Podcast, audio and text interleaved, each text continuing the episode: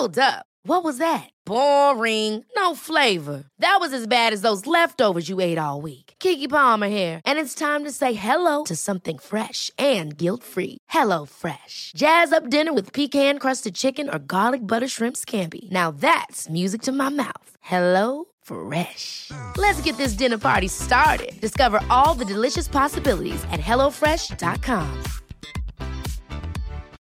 Life is full of what ifs. Some awesome, like what if AI could fold your laundry? And some, well, less awesome, like what if you have unexpected medical costs? United Healthcare can help get you covered with Health Protector Guard fixed indemnity insurance plans. They supplement your primary plan to help you manage out of pocket costs. No deductibles, no enrollment periods, and especially no more what ifs. Visit uh1.com to find the Health Protector Guard plan for you. Hey, it's Ryan Reynolds, and I'm here with Keith, co star of my upcoming film, If, only in theaters, May 17th. Do you want to tell people the big news?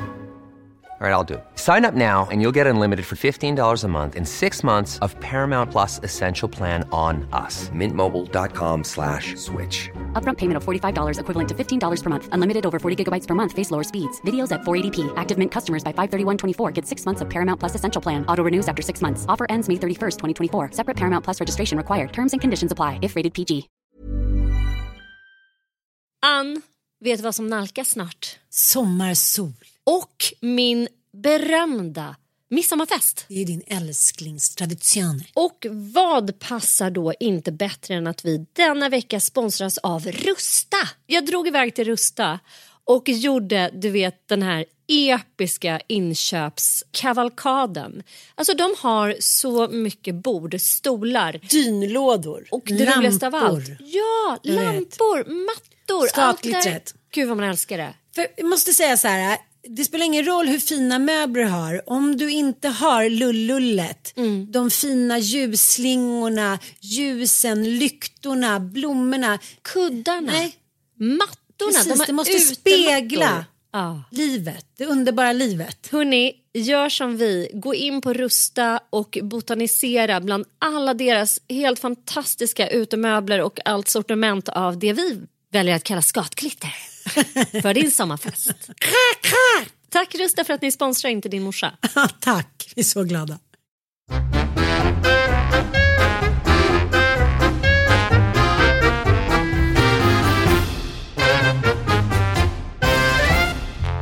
Hej och välkomna tillbaka till den första, vad ska man säga, höstlika podden. Inte din morsa är tillbaka efter fyra veckors eh, sommarledighet. O- lite ofrivilligt från din sida ska vi faktiskt erkänna här. Ofrivilligt från min, men du har ändå verkat behöva den här semestern. Precis, det har hänt så mycket grejer. Vi får, vi får ta det i podden. Men eh, jag är så himla glad att vara tillbaka och den här hösten känns som att nu kommer vi bygga den här podden och nu kommer den bli så himla bra och stor och vi ska ta det här så seriöst och vi har roliga sponsorer och massa grejer på gång. Så att det, jag känner mig väldigt, väldigt peppad i alla fall inför vår älskade lilla podd här. Och ni är många som har saknat oss och det tycker jag känns jätte, jätte, jätteroligt. Ja, verkligen. Så jävla gulligt när ni skriver och bara så här, hallå, vart är ni? Radioskugga. Det är jättehärligt. Så himla kul. Ja, jag älskar ju också den här podden och jag har saknat den. För jag saknar ju, alltså vi eh, är ju på olika håll på somrarna och då är det så härligt att ha den där timmen när man får så här snicksnacka med dig och bara så här stöta och blöta allt som har hänt under den eh, föregående veckan. Nu har det gått fyra veckor så vi skulle ju kunna göra en podd på fyra timmar är jag fullständigt övertygad om. Men vi får liksom köra lite rapido här. Och kan vi inte bara börja med att recappa de här fyra veckorna? Vad har hänt i ditt liv?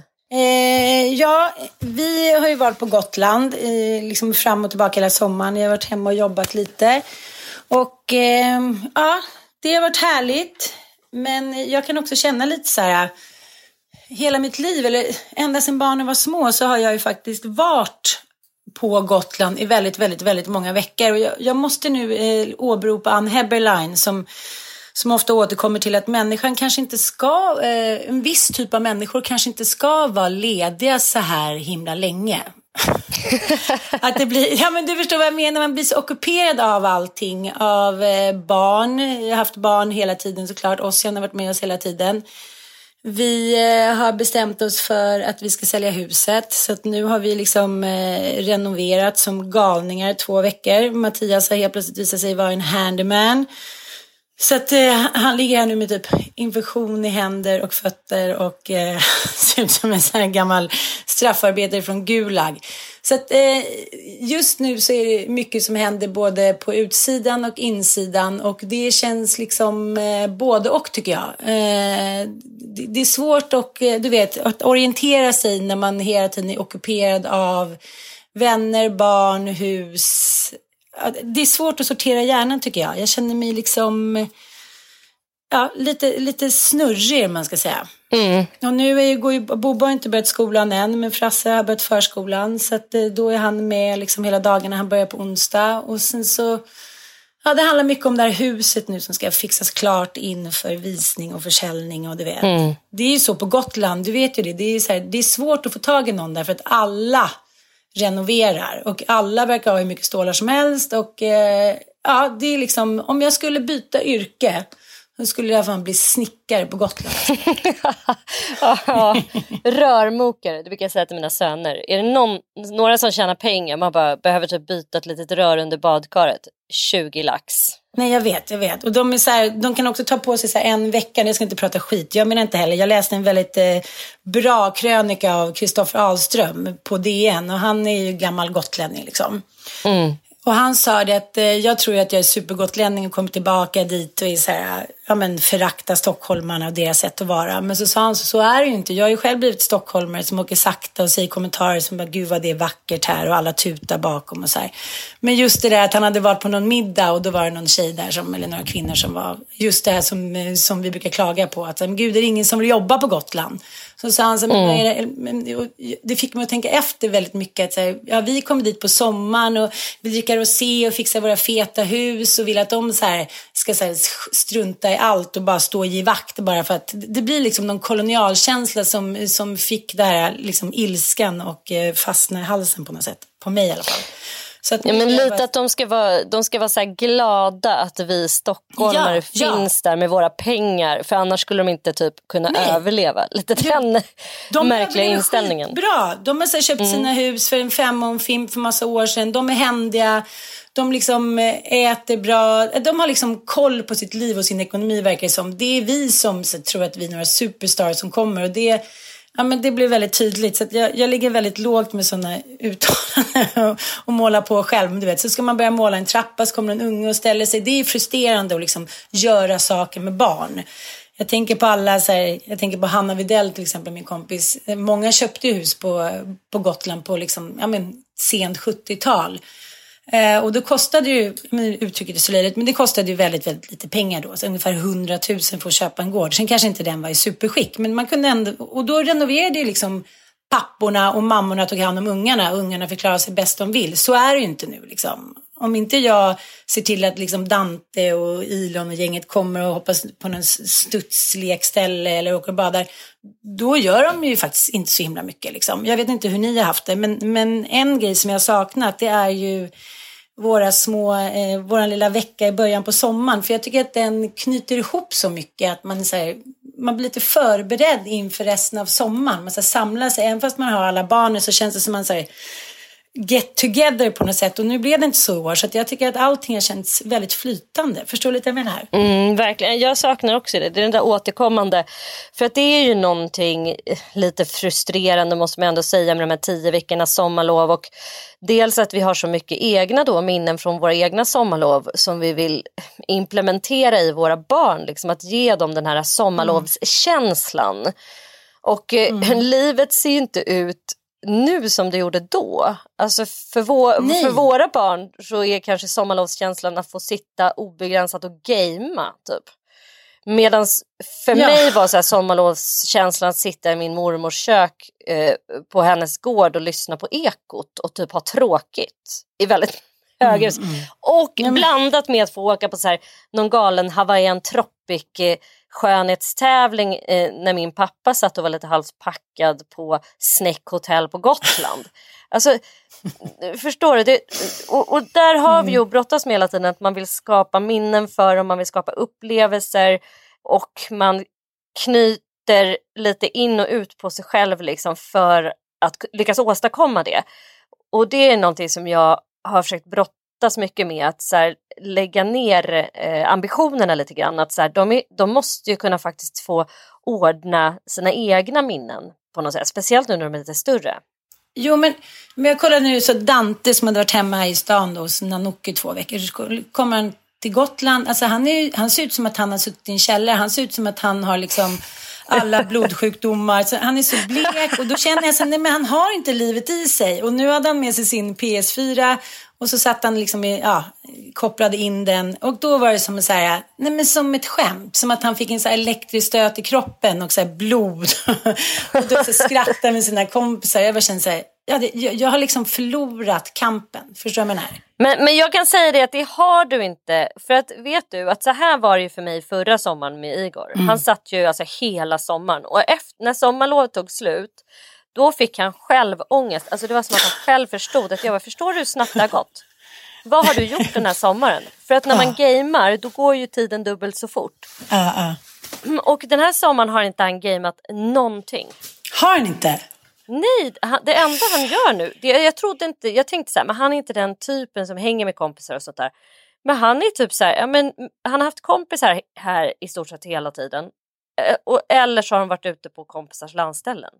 Va? Det låter helt underbart. Ja, och grejen är den att det, jag tror bara att det är en fråga om eh, mognadsgrad eh, på något sätt. För att nu börjar de intressera sig lite. Det är så här epa traktors, det är brudar.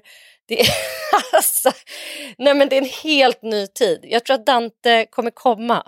Eh, ja. alltså, så fort de börjar skolan nu så kommer det här, han, han kommer haka på.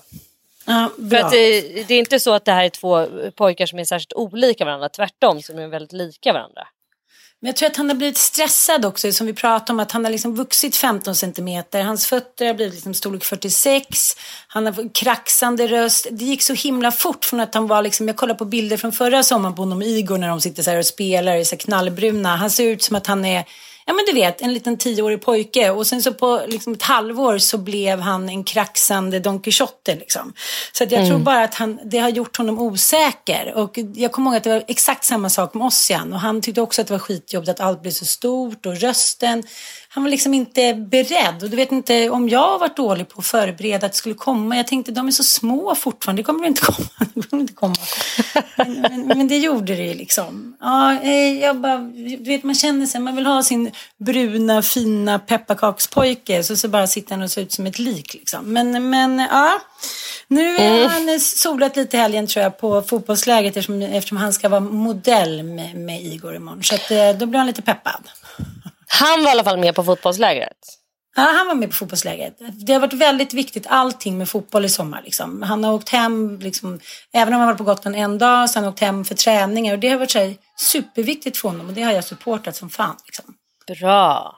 Fan vad kul. Mm, mm. Ja men det är härligt. Jo men, men för att återgå till det att liksom make their summers great. Det är ändå ett fullt sjå. Liksom, även om, om jag försökt lägga lite lite band som sagt på mina ambitioner så kan man ju ändå inte låta bli att liksom vara där och, och vilja styra upp eh, badsessions och annat liksom. Men eh, jag tycker att i ärlighetens namn att det är svinskönt att vi eh, har hösten här nu. Men jag tänkte bara prata lite om, eh, om corona-style. Ja, men jag har ju varit på Gotland den här sommaren och tänkte liksom att jag har fått några åthutningar med så här arga gotländska tanter som bara, det står för nära, det står för nära, typ. Jag ska inte ens försöka mig på en härmning efter Alex har fått sån åthutning. Men det, har visat en annan respekt. Här i Stockholm när man kommer hem så verkar ingen ens ha kommit ihåg att corona finns längre. Typ.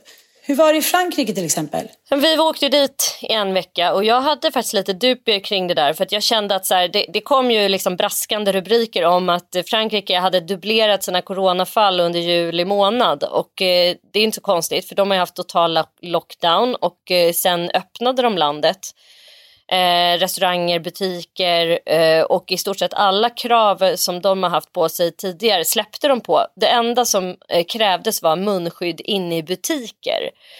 Eh, men stränder, allting var öppet. Men, men vi tänkte så här, eh, vad fan, Sverige, Stockholm är ju faktiskt det område som har, har varit typ ett av de mest smittade i hela la- eh, världen. Mycket mer smitta än i södra Frankrike. Så att vi bara, äh, men vi, vi åker och det kändes skittryggt att flyga. Det kändes jättetryggt på Arlanda. Det är inte alls så mycket folk. De är jätteduktiga på att hålla avstånd. Vi här svenskar som har liksom eh, på något sätt eh, lärt oss att ta eget ansvar eh, med den här smittan. Men så fort vi landar på fransk mark så är det liksom helt sinnessjukt. Vadå? Eh, jag vet inte, nej men jag, liksom inte jag, jag vill inte ålägga liksom hela franska folket eh, en viss personlighetstyp men vi kan väl säga så här att liksom rent politiskt och historiskt så tror jag att fransmän har en eh, mycket större skepsis gentemot sina eh, styrande. Liksom. De är ju mästare på att strejka, de är mästare på att så här, skita i typ, ja men liksom så här, eh, om de vill ha en parkeringsplats, då parkerar de mitt på trottoaren och skiter i p-böterna. De är liksom bara så här, de är lite obstinata, de hatar regler och sådär. Eh, och det kan man och de är också individualister. Liksom, det finns typ inte köer i Frankrike. Folk kommer ju och så här brottar sig fram och typ tar plats och är så här, jag måste fram här. Och man bara what? Vi har stått i kö en kvart liksom. Om man inte typ boxar tillbaka verbalt, då tar de ens plats liksom. Eh, lite så. Känner du igen beskrivningen? Du också Ja men, i ja, men jag fattar och det, är liksom, det låter mycket och det är på tan och de kör bil som galningar och liksom, Ja. jag tycker bara hela deras livsfilosofi är lite, man gör det man känner för men, men man visar ändå liksom, man har ändå en nationalistisk känsla att luta sig tillbaka mot. Och Mm. jag, ja men jag tänker också så här, man tänker på men den coronarädslan som har spridits över världen så känns det inte riktigt som att fransmännen ja, men, jag, jag känner inte riktigt att de har liksom drabbats av den som övriga Europa och världen. Jag vet inte, det kanske bara är en känsla. Liksom. Men, men jag vet inte om det är det att, här, människor vill ju känna sig trygga och fransmännen kanske på all, alltid på något sätt jag vet inte, de kanske är vana vid otrygghet och revolutioner och liksom, jag vet inte, de är kaxiga. Det här, ja, men de har i alla fall lagstiftat om det här med munskydd. Liksom. De har ju fått ha munskydd. De har, ju, de har ju inte fått gå ut överhuvudtaget. De har ju Nej. stängt verkligen ner hela landet. De har ju knappt fått gå ut med sin hund. Liksom. Men nu är det öppet och nu ska alla jävlar ut. De ska minsann ligga på stranden och de ligger som packade sillar. Vi har ju sett eh, så här, ja, men, eh, stora så här, ny, nyheter från svenska stränder, så här, Böda sand och Ullared och sånt där. Men alltså, det är ingenting om man jämför med södra Frankrike nu. För att det som har hänt är att varenda fransman har tagit sina bilar och åkt, ner, åkt till havet. Och eh, Frankrike har ju, eh, eh, jag vet inte om det är 50 eller 60 miljoner personer som bor i Frankrike eller ännu fler. Så du kan ju tänka dig hur det ser ut på stränderna. Alltså det är sardiner, de ligger packade. Det här med en meters avstånd, alltså no way Jose.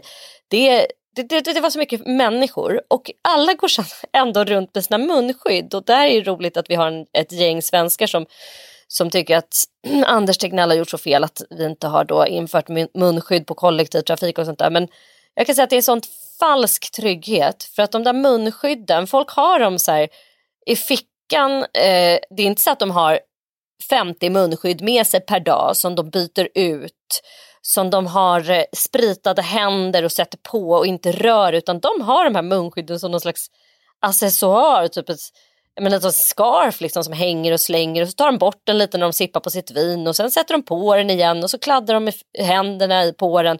Alltså det är mer virus på de där munskydden än vad man någonsin har haft i sitt ansikte för att man hela tiden är så jävla störd av munskyddet. Men, men vadå, jag fattar inte. Så att det känns som att det, bara, det blir liksom en äckelpäckelhärd som bara liksom kastas omkring där. Och vad händer Så jävla ofräscht. Men jag Ja, vet men he- inte. Ja. Hela grejen med munskyddet är att, att man ska skydda andra från sina egna då eventuella virus. Men då bygger det på att så här, alltså det är inte bara i utandningsluften som viruset finns utan det är även när du själv har tagit i, i viruset. Så att om du tar eh, på din egen så att säga, utandningsluft eh, med dropp, de här minimala små dropparna då har du virus på händerna så går du och klafsar med det på någon ledstång eller på något bord eller på något café eller på någon mugg eller någonting och så är det någon annan människa som tar det där och så petar de på sitt eget jävla munskydd 43 000 gånger. Då är det klart att de, alltså då sitter ju viruset konstant nära din, din mun. Förstår du ja, jag men menar? Jag fattar, jag fattar. Men jag läste också i och med att eh, Nya Zeeland som har en sån, haft en sån fet lockdown ändå nu drabbats av en ny våg. Mm. Eh, och då är det så här, en möjlighet som de tror, för det är en familj som jobbar med så här, frysta livsmedel. Att de känner så här, men herregud, har jag liksom överlevt genom liksom nedfrysning? Och det, det är någonting man inte vet om liksom. Nej. Sen, sen kan ju det vara, det kanske inte alls är så, men de skulle testa just den grejen. Och flygvärdinnor och flygmänniskor som kommer liksom tillbaka till landet kollar såklart inte lika noga liksom. Mm. Eh, så jag tycker inte att, jag har inte varit så himla påverkad av corona. Jag tycker folk har så här kramats på och, ja men du vet.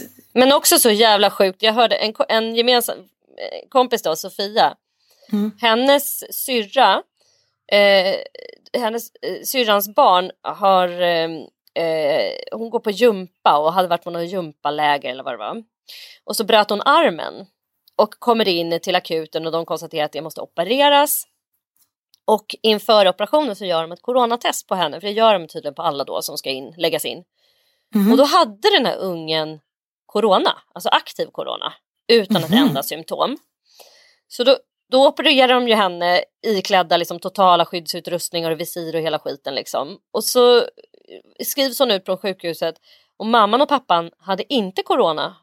Och ingen i den övriga, alltså de har två syskon också. Så de var så här, vad fan ska vi göra? Vi kommer ju få corona, vi måste ju vårda vår liksom, armbrutna nioåring eller om hon är tio. Så då bestämde de sig så här, men vi, för de andra barnen ville ju inte bli sjuka för de hade ju egna läger och sånt att gå på. Så de var så här, men vi tar med oss henne och så åker vi ut eh, i vår segelbåt eh, en vecka liksom över midsommar. Och de gjorde det med henne och tog alltså en liten jävla segelbåt, kan ju fatta. Ingen av föräldrarna blev smittade. Nej. Jo, så det verkar ju också vara så här som ett jävla lotteri. Att liksom, du kan vara så här på en coronasjuk människa och ändå inte få det. Och det var inte så tror jag att någon av dem hade den här blodgruppen eller liksom. Men på något sätt, jag, det jag tycker har varit skönt, jag tycker inte heller att, att det var först när vi åkte till Frankrike som jag började tänka på corona igen. Eh, och lite grann inför Gotland för att man var lite så här shit eh, vad jobbigt. Men det är ju samma sak där. Att så här, men gud det är väl klart att färjan inte är mer utsatt än att åka ett pendeltåg in till Stockholm Nej, central. herregud. Vi åkte pendel när vi kom hem nu. Det var ju så fullt så att det liksom, det var ju så 200 personer som satt och så här, käkade Ja. mat och nej, nej, det är ingen skillnad. Men jag tänker liksom på rädslan som, som på något sätt höll liksom hela världen i ett grepp väldigt starkt i början. Och den har ju liksom inte tagit tag i oss i Sverige på samma sätt tycker jag det känns som. På grund av att det varit lite liksom mer öppet. Jag tänker så här, den här rädslan kan ju faktiskt ibland vara farligare än själva sjukdomen. Förstår du lite vad jag menar? Ja, Människor som, som liksom låser in sig och isolerar sig. Jag tänker så här, jag bara läste en massa grejer nu, så här, coronans liksom, kölvatten. Så här, I Nepal, så här, hög barndödlighet. Liksom, för att folk kommer inte iväg till sjukhuset eller läkare kan inte komma. Och jag tänker på så här, alla gamlingar som inte kommer iväg och som inte... Ja, men tandläkarna, så här, de sitter verkligen och typ rullar tummarna. Det är inte en jävel som går till tandläkaren. Liksom. Ja, men det är lustigt att, så här, att rädslan ibland står i vägen. Och det är så här klassiskt. Kommer du ihåg i London under andra världskriget så var det att, att när tyskarna började bomba London eh, så var det liksom, eh, ja, då var ju, ja, men Londonborna var så himla himla rädda att de liksom istället för att, eh, ja, det finns ett så klassiskt exempel 1943 när andra världskriget pågick. Då, då var det så, ja, men över 170 personer som, som skulle söka skydd i något då metrostationen, mm. Bethnal Green i London. Och då trodde de att det var ett tyst bombanfall. Men det var inte bomberna utan de var så himla rädda så att de liksom tog sig ner de där trapporna och det, liksom, ja, men de, ja, du vet den här paniken. men du, ja. Nu ska jag berätta för dig det sjukaste som hände när vi var i Frankrike också. Med liksom fulla gator på Cannes. Eh, i, Ca- alltså hela Croisetten var ju smockfull varenda kväll. Det gick ju knappt att vistas där. Liksom. Och det gjorde inte vi heller. Vi, vi åt mest mat hemma och var hemma. Men en kväll var vi där nere och käkade på Bobos, vår absoluta favoritrestaurang. Ja. Vi hade precis betalat notan, var på väg därifrån och går längs Croisetten och ser hur människor börjar springa. Nej. Och jo, och vi var så här, gud vad då är det någon, är, jagar de någon? Vad fan är grejen? Så här, alltså först är det typ fyra, fem personer som börjar springa. Och sen börjar hela jävla kroasetten springa. Det är som panik och vi så här försöker bara, what is going on? What is go They are shooting, it's shooters! Skriker de. Nej. Jo, och du vet, vi, man, man blir så här, alltså det var terror, det var terrordåd. Det var det som sades till oss. Liksom. Det är terrordåd. Folk, du vet, vi bara springer upp på en tvärgata vid Kroasetten mot vårt parkeringsgarage där vi har vår bil. Och försöker stanna, andas och bara shit, alltså vad fan är grejen? Du vet, folk står i högar och har panik, bara skriker gråter. Vi träffar en svenska, ett, en svensk familj som springer förbi. De, och jag bara, vad är det som händer? Så Nej men de skjuter, det, de skjuter tydligen borta vid, vid kasinot. Eh, borta vid stadshuset är det en skjutning. Så här. Eller så är det fyrverkeri, vi vet inte. Men det är någonting som har hänt där i alla fall. Så att, och de fortsätter springa. Hennes barn bara gråter, eller tonåringar. Men vadå, vad kände du då? Var inte du skiträdd? Jo, vi var så rädda och alltså, Olga fick ju panik för hon har ju varit med om ett terrordåd i Kenya, i Nairobi. Då satt de på ett café och Just i det köpcentret precis bara liksom 50 meter bort så sköt de ju ihjäl 25 personer. Så hon blev ju helt, alltså, hon hade, alltså det var som ett posttraumatisk stress. Och det är ju jättemånga fransmän som har varit med om det som hände i Nice och i Paris liksom. Men jag och Micke och pojken vi lyckades ändå hålla, behålla någon slags så här lugn. Alltså, vi kunde ändå ha en klar tanke och bara nej men vänta nu vi måste liksom inhämta, vi kan inte liksom bara gå på hörsägen här liksom. Så frågade vi två svarta tjejer som vi träffades och de var i panik. De var så här, har ni en bil? Kan vi få åka med er? Jag bara, ehm, ja, ja, ja, självklart. Så här. Men vad är det som hänt? Nej, de skjuter barn, de skjuter barn. Och så bara, Nej men skrev- vi bara, gud, det är galenskap. Ja, de bara plöjde och vi börjar gå ner mot vår bil i parkeringsgaraget. Du vet, då är det som att det är råttor som kommer upp. De bara springer upp för uppgångarna. Och det som slår mig är bara så här, det här, det kanske är liksom, det är flera terrorceller, att det är flera attacker. De kan lika gärna ha placerat Nej, en men bomb här. Ja, ja, ja, ja. Och jag ja. går in på Twitter och ser att det är folk som är så här, de är inne på Carlton på första våningen. Ö, De utrymmer Carlton. Det är en typ terrorist som ska in och skjuta ner alla. Och vi var alltså 150 meter från Carlton. Nej. Då får vi panik. Micke bara, vi ska ner, vi ska hämta bilen. Och jag bara, vi kan inte gå ner här. Alltså det, där börjar vi liksom också bli oense. Och han bara, jo vi ska ner här. Så vi går ner när alla springer upp, sätter oss i vår bil och börjar köra och kommer ut ur det där garaget. Och, eh, och, och liksom kör upp mot vårt hus. Så det var bara rena moturen för folk har inte vågat sätta sina, i sina bilar. De har inte vågat åka utan folk bara står och trycker i hörnor. De bara springer upp mot kullarna du vet. Så jävla obehagligt och vi kommer hem och är så övertygade om att nu är det så här, kommer det vara hundra pers nermejade på Kroasetten eller liksom de har sprängt en bomb inne på Carlton eller men ingenting, falskt rykte. Nej, du skämtar. Och var det någon som typ... Falskt rykte, det, det är någon person som är borta vid en restaurang som ligger liksom borta vid hamnen, den gamla hamnen i Cannes som är nära kasinot och ja, liksom den gamla stan helt enkelt. Där är det några, troligtvis turister som har skrivit shoot, de har skrivit, skrikit shooters, troligtvis för att de kanske har hört då något fyrverkeri eller någon som har smält någon smällare eller någonting.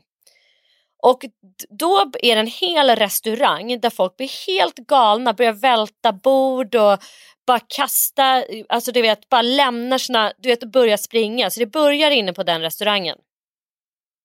Och sen drar det igång en hel massa med folk. Så rädslan absolut. Och folk var så irrationella, det var det som var så jävla läskigt. Du vet, bara står och har sån panik och skakar och kan inte fatta beslut och bara så här gömmer sig bakom bilar och så ligger och hukar. Alltså fruktansvärt obehagligt. Och, och sen liksom sortin var så här, jaha, sen började alla gå ut på croissangen, eller säga, croissant och så här, dricka och skratta. Sen var det över, eller vadå? Lite som ett bomb... Ja, men falskt da, dagen efter. Ja, alltså dagen efter. Vi hade ju väntat oss liksom för att det vi var med om det var ändå människor som blev nedsprungna och skadade. Det var ju alltså en panikstämning. Ändå så står det knappt en enda nyhet om det här. Ingenting. Och det som händer också på Twitter är så jävla obehagligt att folk vet ju inte vad som händer. Så folk är ute och twittrar och bara What is happening in Cannes? I'm at the Croisette, what is going on?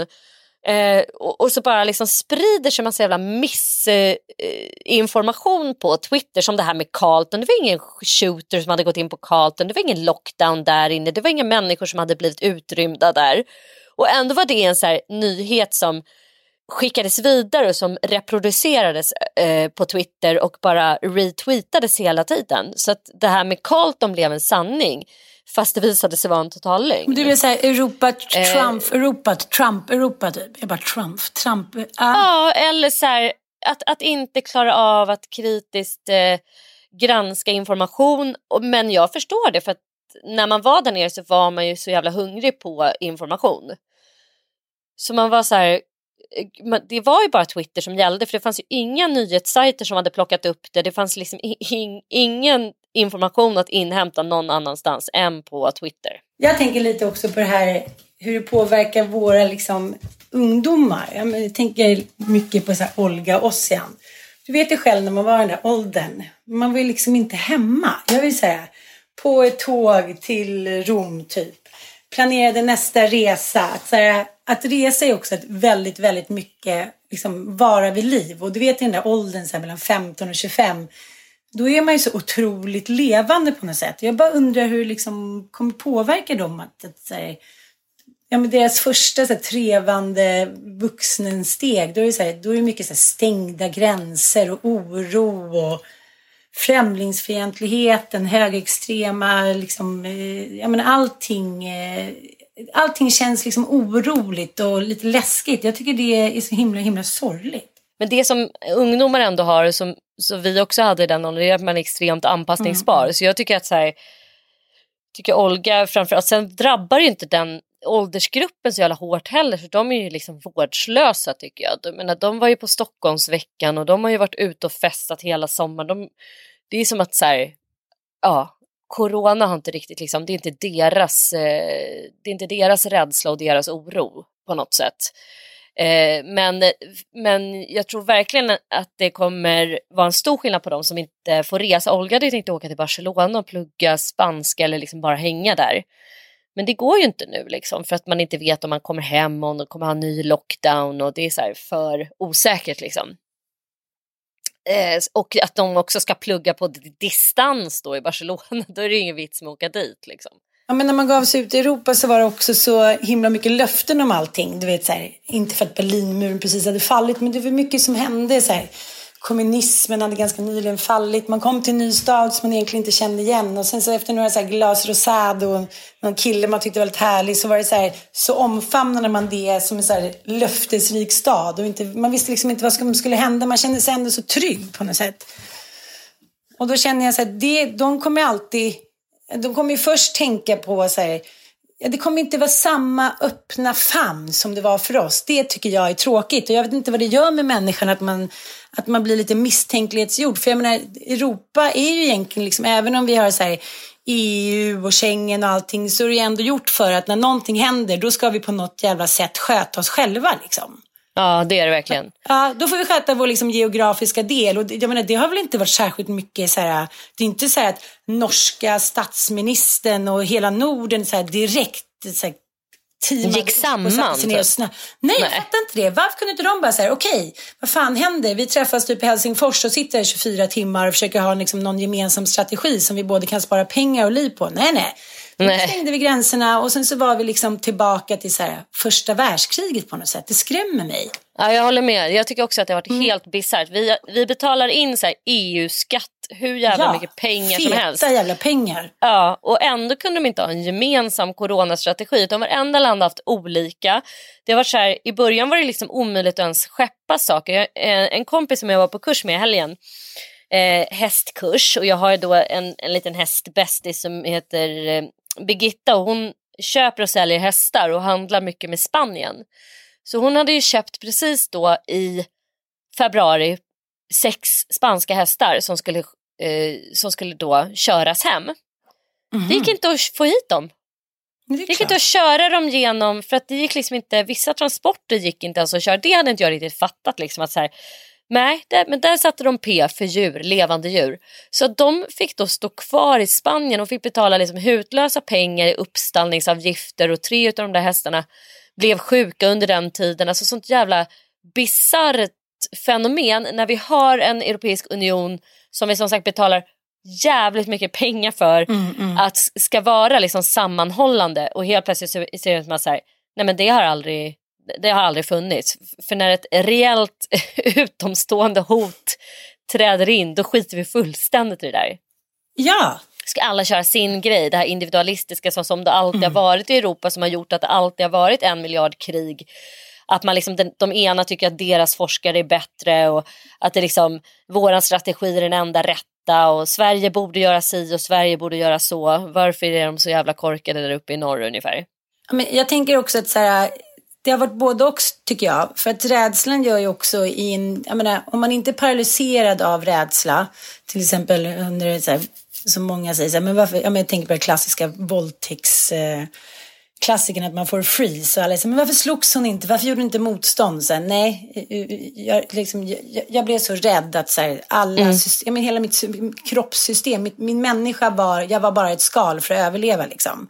Och, så, och de som blir så rädda blir ju såklart själviska, men så finns det också någonting i rädsla, om man får säga så här, lagom rädsla som gör att vi visar liksom en ny respekt och solidaritet inför varandra tycker jag. Och, och det är någonting när man också umgås med människor som kanske i vanliga fall har ganska mykt hjälp så här, med barnvakt och sina föräldrar och menar, allt från städning till, ja men du vet liksom. En, en bra så här, uppsättning av folk som hjälper till. De har ju inte kunnat ha det på samma sätt. Mm. Vilket gjort att jag tycker att den här sommaren så har vi alla stått lite mer, ja men sanning med modifikation, det fattar ju vem som helst, men lite mer jämlika och jämställda än kanske till exempel förra sommaren. Folk har inte varit lika mycket uppe i blå utan man har så här, ja men folk, jag, men jag tycker så här, det kan ha varit en middagsdiskussion där man pratar om att ja, det, vi, har, nej, vi kan inte följa med på det, vi har dåligt med pengar den här sommaren och det har varit en tuff vår. Och så här, människor som har varit väldigt stolta och liksom haft en jävligt polerad yta innan tycker jag så här, har släppt på den lite. Sen kanske den direkt det staketet så här, trocklas upp igen allt blir som vanligt. Men jag tycker ändå att jag har sett en, en liten skillnad, en, en annan ödmjukhet. Känner du igen det? Ja, jag håller verkligen med. Jag tycker eh, ja, det är väldigt eh, det är välgörande att se. Och sen på något sätt tycker jag att liksom, det här, den här våren, nu är det ett halvår sedan corona gjorde in, intrång i, i liksom allas våra liv. Och någonstans tycker jag också att det har varit lite spännande att vi är med om någon sån där livsavgörande process som typ spanska sjukan var. Att det är så här, för jag tycker vi har tuffat på under de här, alltså under mitt liv så har ju allting bara så här blivit lite bättre och lite bättre och lite bättre liksom. Vi har inte haft några krig i vår närhet, liksom Sverige har tuffat på liksom. Det, det har varit ett land med gott ställt och det fortsätter att vara ett land med gott ställt och folk, folk får det bättre liksom. Och så kommer den här grejen liksom som gör att folk måste börja alltså värna om varandra. Det finns en solidaritet och det är jag stolt över och det kände jag när jag landade på svensk mark liksom efter det här franska kaoset, den här individualismen, alla vill liksom ha gotter nu när de har fått öppna upp eh, sina hem och dra ut på gator och torg igen, då ska de få göra det. Då ska de få sitta på sin bar och de tänker inte hålla något jävla avstånd för de har såna munskydd. Och ingen ska hindra dem från att ha en härlig semester typ. För de har ju också öppnat Frankrike lagom till fransmännens semester vilket jag tycker är så jävla bisarrt alltså. För det är då folk bara rör sig, flyger omkring. Liksom. Det är en jättekonstig strategi. Men när jag landade på svensk mark liksom, där alla bara har naturligt inlärt under sex månader att dels hålla avstånd och visa hänsyn, att inte så här, gå på varandra in i butiker. Att sätter man sig och fikar så tar man ett bord som är liksom, längre bort. Att man, håll, att man på något sätt håller det här avståndet. Och att det nu sitter i ryggmärgen på alla. Jag tycker det är helt fantastiskt.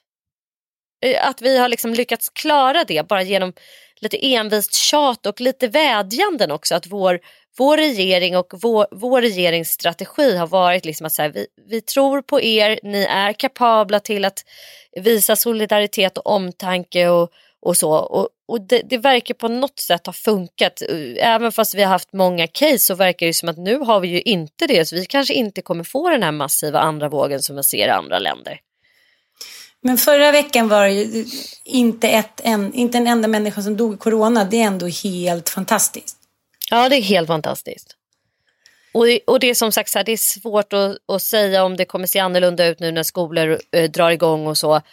Troligtvis kommer det väl kanske öka något men, men man skulle ju också eh, kunna misstänka att vi börjar få någon form av flockimmunitet i alla fall i Stockholmsområdet eftersom vi har varit så himla drabbade här. Eh, och det vore ju helt fantastiskt liksom.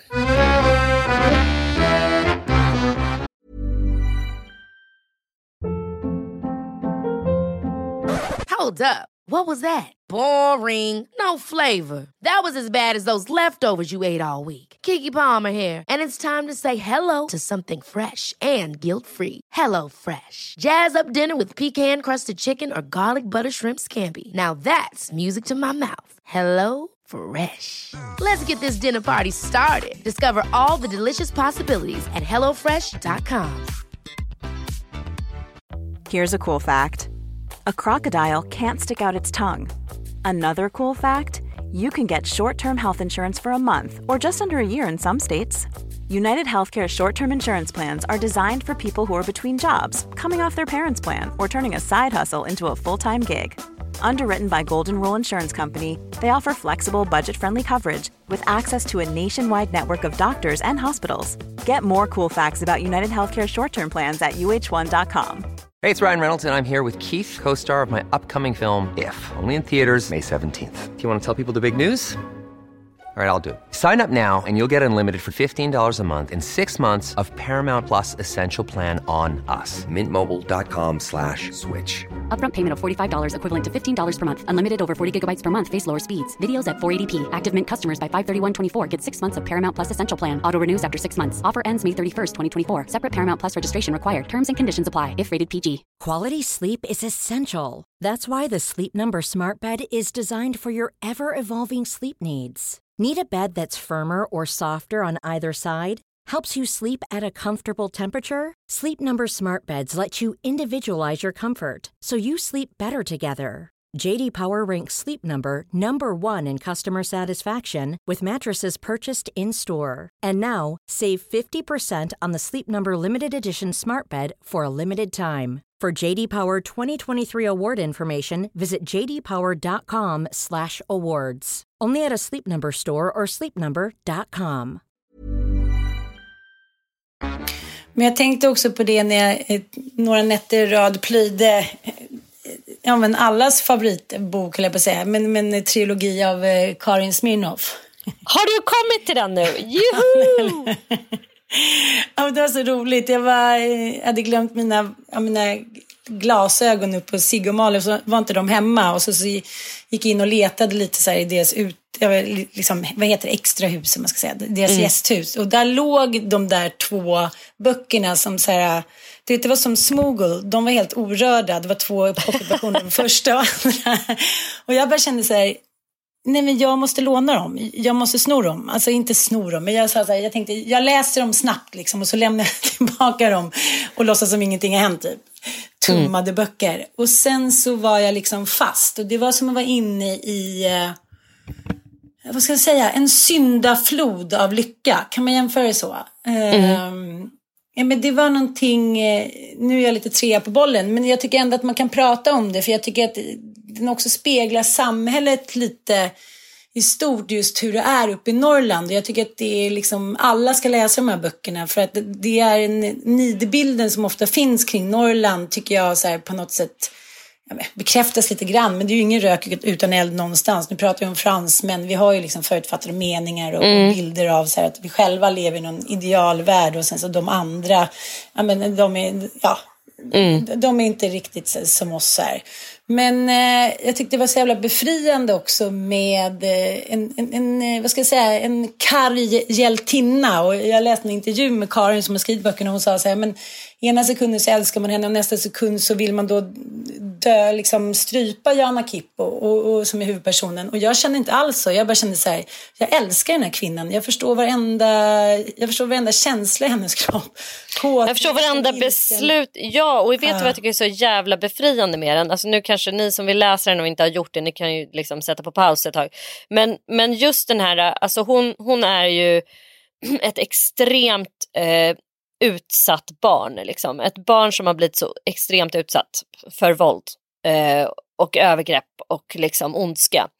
Och jag tycker det är så befriande att, att eh, Karin Smirnoff låter sin eh, karaktär Jana, Jana Kippo att hon får ha lust trots att hon har varit så jävla utsatt. För att det är en vanlig fördom vi har att så här, äh, men ditt sexliv kommer vara forever doomed. Du kommer aldrig kunna liksom ha eh, bra sex med någon, du kommer alltid vara rädd för män, du kommer alltid liksom utsätta dig för konstiga relationer, du kommer alltid ha svårt för kärlek och sånt där. Men Jana Kippo är ju liksom, eh, jag håller med dig, alltså jag älskar henne så mycket även fast hon är så olik mig och hon är ju verkligen en hjälte som, alltså hon, är inte, hon har inte skapat en hjältinna som är så här, vad ska man säga, mainstream som man kan känna igen sig. Typ så här, eh, ja, mot, motsvarigheten till det är väl Camilla Läckbergs hjältinnor. Alla kan känna att det är liksom en ja, men så här, men hon ska vara liksom en vanlig kvinna med superkrafter typ så att alla ska kunna känna igen sig i henne. Det är inte riktigt så Jana Kippo är.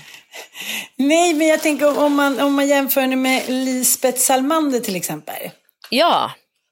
Som, som eh, på något sätt beskrivs som så här, en av grabbarna, vilket kvinnor alltid har gjort i så här, positioner där de inte är typiskt kvinnliga, så tycker jag att det här är en helt ny sorts kvinna som inte behöver liksom spela på männens villkor utan hon, hon, hon drivs av liksom någon kärlek till några få människor och eh, till sitt eget liv på något sätt. Hon har liksom mm. självrespekt och självhat och hon har humor och hon är liksom ändå jävligt bra på att leva livet trots att hon har så fått så usla förutsättningar med den där skitmorsan och skitfarsan så är det så här, det som jag tycker är så underbart är också att det finns ingenting är svart eller vitt. Att så här, mm. Man får hela tiden förklaring till varför det har blivit som det har blivit. Och jag kände en sån försoning i de här böckerna. Nu har inte jag läst trean för att jag kände att jag måste pusta ut lite. Eh, men eh, jag kände en sån, vad ska vi säga,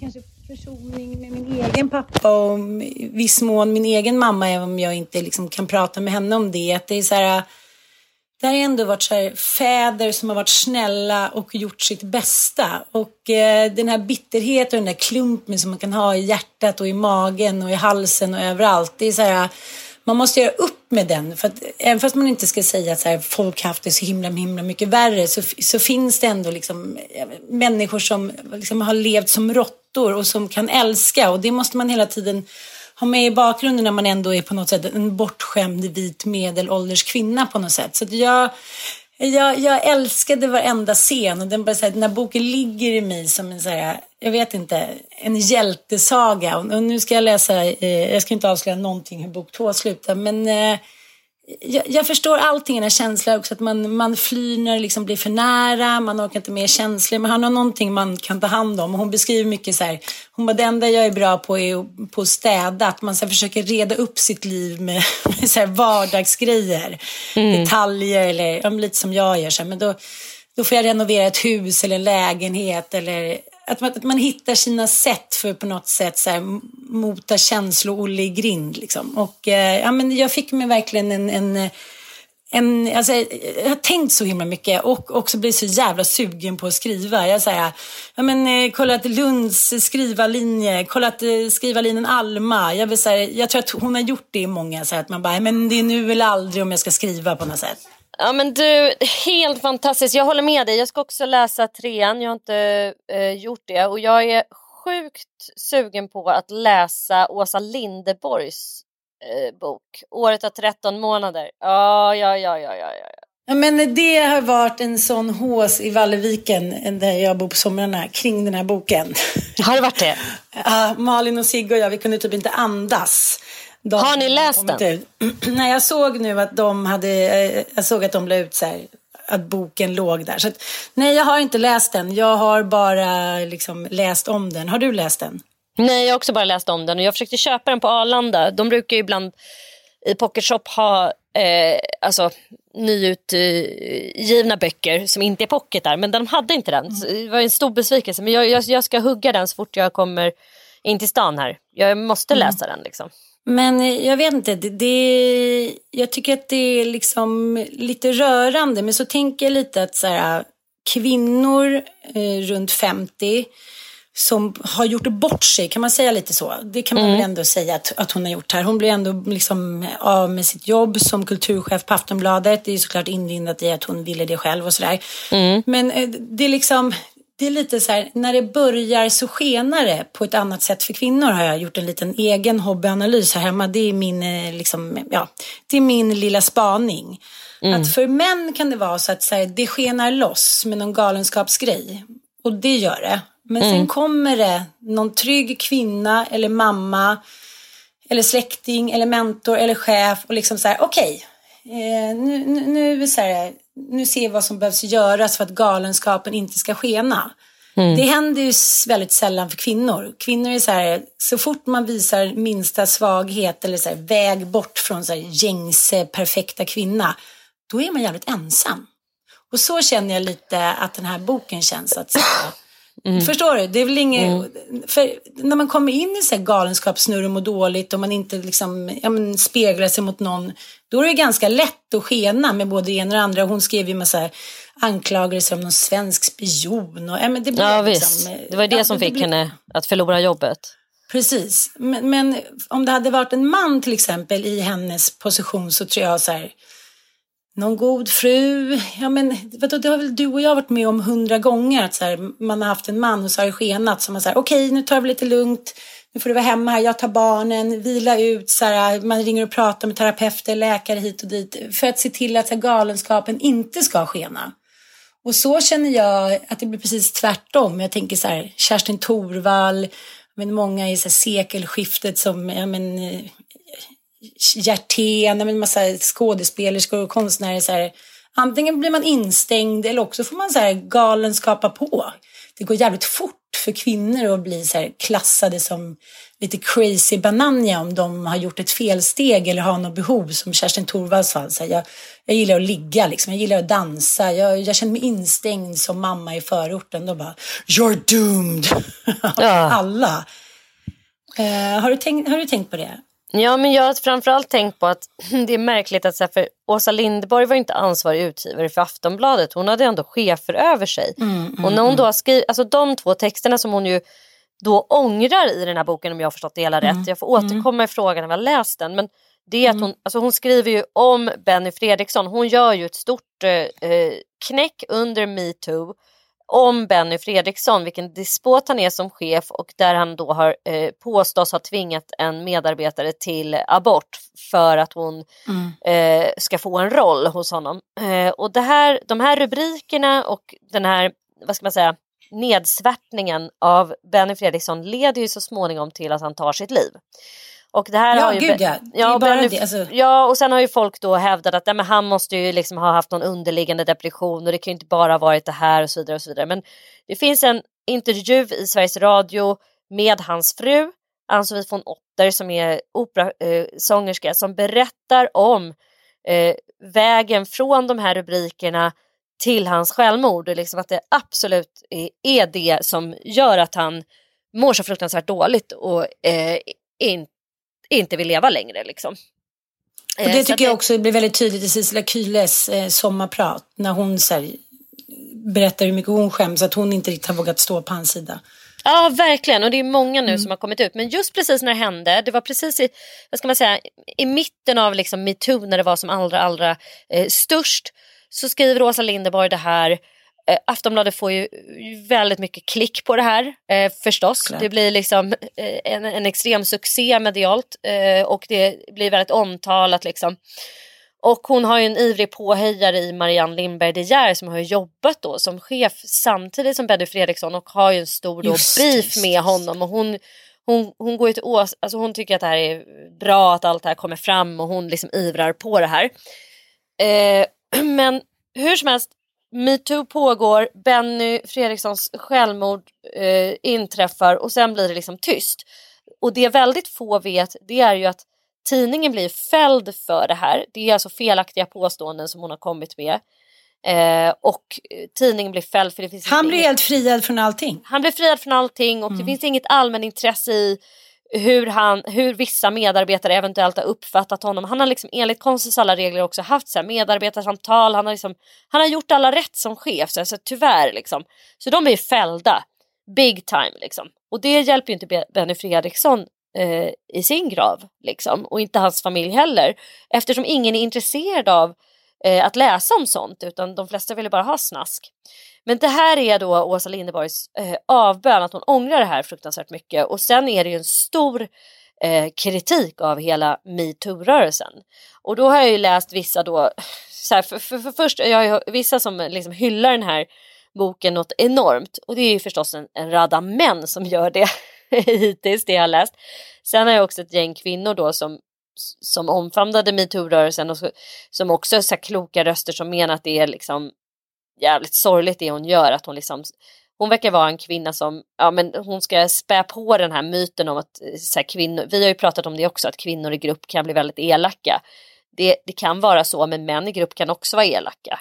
Eh, men att liksom Åsa Linderborgs den här boken handlar väldigt mycket om det att hon liksom står utanför den här kvinnliga gemenskapen och att hon är rädd för den och hon har nästan bara män som vänner och när Fredrik Virtanen blir sådär utsatt så tar hon hem, hon, hem honom och ger honom en kram. Och, men det är liksom massa, massa som, som hela fe, feminazi-gänget verkligen värjer sig emot i den här boken. Men eh, det, det gör mig ju extremt nyfiken på att läsa den. Så det är det som sagt jag kommer göra så fort jag kommer in till stan eh, i eftermiddag faktiskt. Jag ska köpa den. Men sen, sen måste jag också säga att det var ju alla tidningar blev fällda. Det var ju inte bara Aftonbladet. Alltså så är det ju. Nej, Svenska Dagbladet. Nej, precis. Ja och DN och Expressen. Så det var ju, eh, men jag tycker det är ganska intressant för jag, jag har läst mycket om den. Det är också lite roligt att läsa typ allt som står om det innan man läser den. Jag kommer ju bara tycka att den är jättetråkig förmodligen. Men Syd, Sydsvenskans kulturchef Ida Ölmedal, hon, hon tycker jag har en ganska bra blick. Hon skriver i sin krönika så här, kan man få syn på något nytt liksom kring metoo? Är det så här, i den här boken? Liksom, kan, man se något, ja, kan man se med nya ögon, du vet, så här, små detaljer som man Mm. Jag tänker så här, gud, nu, nu har det kommit något nytt. Och då, då är det en passage då som handlar om, eh, jag menar, att hon, hon, pratar lite om att hon åldras, liksom hon närmar sig 50 och hon liksom blir lämnad av sin man och sådär. Hur mycket, ja men frågan är så här, hur, hur mycket kan det personliga påverka det man liksom, ja, hennes professionalism såklart. Och eh, mm det där har jag och Anita pratat mycket om, att, att jag blir väldigt så här, påverkad när någonting är jobbigt hemma eller när någonting blir för mycket. Medan hon, på henne sätter det sig att hon så här, ja, men, får någon knöl på halsen eller tappar håret eller blir sjuk. Vi, liksom, vi har två olika liksom, fysiska och psykiska tillvägagångssätt när vi mår dåligt eller liksom, det har blivit mm. för mycket. Liksom. Men eh, då skriver hon så här, jag fastnar med något annat skriver Ida då, något till synes irrelevant. Det finns en passage där kulturchefen grubblar över hennes åldrande påverkar henne professionellt. Hon undrar om läsarna och meningsmotståndarna registrerar hennes allt mjukare kinder och tänker att hon nog även börjar tappa skärpan intellektuellt. Mm. Och då kan man ju se så här, att det är en fåfäng, liksom, liten detalj bara. Men, men, men, det ligger någonting i det där att liksom eh, att det handlar om med någon som är så här, ja, men utåt sett har en stor bild byline som används då som en lockelse till liksom mediet. Och så mm. börjar den eh, bli äldre då. då. Och, mm. eh, och då, då blir det ju så här, hennes personliga varumärke fanar lite då. Och då kommer det tillbaka till det att ingenting har hänt. Då är det helt plötsligt för att hon närmar sig 50, vilket inte är någon ålder. Jag menar de flesta, helt ärligt, om vi kollar på till exempel på Aftonbladets krönikörer så är det ju så mycket gubbar som typ men, eh, Jan Guillou, Robert Aschberg, ja, Peter Kab ja. Kadhammar. Ja, gud ja. Det är bara ett gäng ja. gubbar och sen är det några unga tjejer. Typ. Ja. ja, det är verkligen så. Och de tjejerna är mellan så här, 20 och 40. Ja, men som till exempel eh, Heimersson, han var typ, hur gammal var han? 82 innan han så här, trampade i klaveret och då snackade skit om någon kvinna. Så här. Att, mm. att då, då är till och med en kvinn, hennes kvinnliga chef då börjar analysera när hon närmar sig 50 då om hennes intellektuella skärpa också har falnat. Alltså, men förstår du? Det är liksom mm. en kvinnlig chef och hon har inte ens närmat sig 50 liksom. Det tänkte faktiskt jag lite grann. Det är en jävla rolig spaning. För jag tänkte på det ja. lite grann. Jag har fått höra att det ska komma en antologi nu om feminister. Mm. Mm. Som jag tror att det kan det vara Nina Rungs eller alltså någon av de här lite yngre feministerna har eh, skapat den här antologin. All, Alltid Nina. Ja. Aha, men, eh, jag ska inte svära på att hon, men, men, Nej, nej. men någon utav dem är det. Och då tänkte jag så här, åh gud vad spännande, då kanske man får ha med sig Ebba Witt-Brattström och så här. Nej men då är det liksom bara det yngre gardet. Och, och så där Ja. är det ju med feminismen, vilket jag tycker är så jävla obehagligt att se. Att det är så här, ja, men det, vi har liksom våra polare, det är Lady Damer, Sissi kvalar väl ändå in. Mm, Jag har väl gjort någon jävla feministisk, liksom, något typ av avtryck någonstans. Liksom. Och sen de tjejerna som är lite äldre än oss, Belinda, de som gjorde Fittstim. Mm. Och sen de tjejerna som är ännu äldre, som är 50-årsåldern, Marianne Lindberg De Geer, alla de som startade Grupp 8. Vi är som så små celler som inte liksom jobbar tillsammans utan som snarare ska hålla på att kritisera varandra och att man inte kan um, omfamna och inte vörda. Om man tänker på min favoritpodd eh, Della Q då som, som ju lades ner på grund av stridigheter sinsemellan. Eh, apropå att inte kunna omfamna varandra. Men Ja. de var ju också så här superanti liksom alla som, för de var ju ännu yngre, de var ju liksom 20, 20 plus. Nina Rungs och eh, Ida Östensson och de, de är då 30-årsåldern och sen så är det jag och mitt gäng som är då i 40-årsåldern. Med tio års liksom, decennieskillnad så är vi som små celler som då ska kritisera varandra istället för att så här, jobba tillsammans. Det tycker jag är skitsorgligt att se. Eh, och så är det verkligen då eh, också med det här att så här, en åldrad kvinna, eh, så här, då ska man då åldras i sin intellekt också och anses vara dammig. När det liksom mm är precis tvärtom. Är det några som så här, med, med klar blick kan se på typ en rörelse som metoo eh, med livslång erfarenhet och liksom hur många jävla tusen poäng, i, i, liksom universitetspoäng som helst och teorier och eh, som man kan använda för att stöta och blöta och intellektualisera. Nej men då ska hon ändå anses som dammig istället för att vara en extrem jävla tillgång som kan se kanske lite mer nyktert och utifrån på det som sker. Jag tänker också så här, ja. den, ak- den aktuella här, presidentkampanjen i USA, så här, gubbarnas sammansvärjning. Alltså Mm. Joe Biden, han är ju, han är ju liksom 77 år och de ligger ju mellan så här, spann 72 och typ 80. Och då tänker man så här, när du och jag var små älskling, alltså en gubbe då, så här, nej men en 60-årig gubbe var en morfar, liksom, det gick inte att liksom, få in honom om man inte var så här, bankchef som Mattias pappa eller något sånt där. Alltså, allting hade en ålder. Nu är det så här, de erfarna grånade rävarna med politiska essen i armen. Och så kommer det då i och för sig applåder att Joe Biden då ändå väljer en, liksom, en svart då som de eh, gärna vill säga för att det ska vara förebildsaktig då. Men, men en kvinna som sin eh, vicepresident. Men då är ju hon eh, liksom 55 såklart. Det hade ju inte gått att hon skulle stå där och vara 77. Det, om inte hon var så superopererad så man inte såg att hon var 77, vilket hon i och för sig hade varit tvungen att vara då. Men, men det, det är liksom väldigt tydligt och vi sväljer det där med hull och hår. Och då, då känns det så här, ja, jag känner så här hela, de vi pratar om Europa, vi pratar om det som hänt senaste tiden, så här, ingenting, allt är nytt men ingenting är nytt liksom på något sätt. Det är som det alltid har varit, det går så himla, himla sakta framåt. Och det är som Linda Skugge säger, hon bara, vad fan, vad är det jag kämpat för? Jag sliter och kämpar och ensamstående och liksom feminist och jag står för mina åsikter jag jobbar på. Jag blir aldrig riktigt erkänd. Det är ingen som direkt köper mina böcker. det är så här, vad ledde det till? Och jag, jag fattar den lite så här. All denna liksom, långa feministkamp som gav mig ett radhus i Sollentuna och ingen snubbe. Liksom. Jag vet inte. Det, det, jag tycker det är svårt. Men Kamala Harris, ändå coolt att... Eh, Jävligt coolt ändå. Ja. Lite har ändå hänt. Det går sakta men det händer Ja. ändå grejer. Det är härligt. Nästa gång ska vi prata lite om det där med, med förebilder. Att så här, jag skickade en länk till dig igår ju. Med eh, eh, hon, eh, vad heter den? Seina Mortada, Seinas Kitchen som jag älskar. Eh, just det där att man, man måste hela tiden så läggas in i något form av fack för att vara någon förebild för att det inte finns så många föregångare. Som hon är då eh, en eh, känd kock med slöja eller liksom, med- vad heter det? Med hijab. Ja.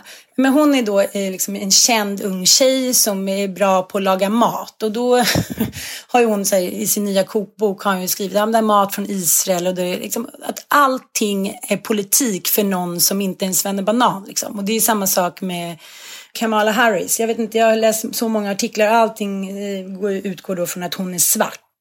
Mm. Eh, det vore skönt eh, om våra liksom, barn fick vara med om när man lever i en tid där man bara får vara en bra förebild. Oavsett. Eh, man, man, får vara en bra vem. kock. Man behöver inte vara ja. kocken med hijab liksom. Precis. Och man behöver inte vara en kvinnlig kock heller utan man är bara en bra kock. Mm, precis, eller en bra skribent eller mm. en bra förälder. Liksom. Ja, mm. Men det pratar vi mer om tycker jag. Och eh, till alla er som inte har läst eh, den här trilogin då. Far hem till bror hit och dit. Så här, you go. För vi måste prata mer om den och vi vill inte avslöja någonting. Så alla som lyssnar på vår podd måste läsa de här böckerna. Hörni, vi hörs nästa tillbaka. vecka. Ja, ja verkligen. Ja. Puss och kram. Hej då.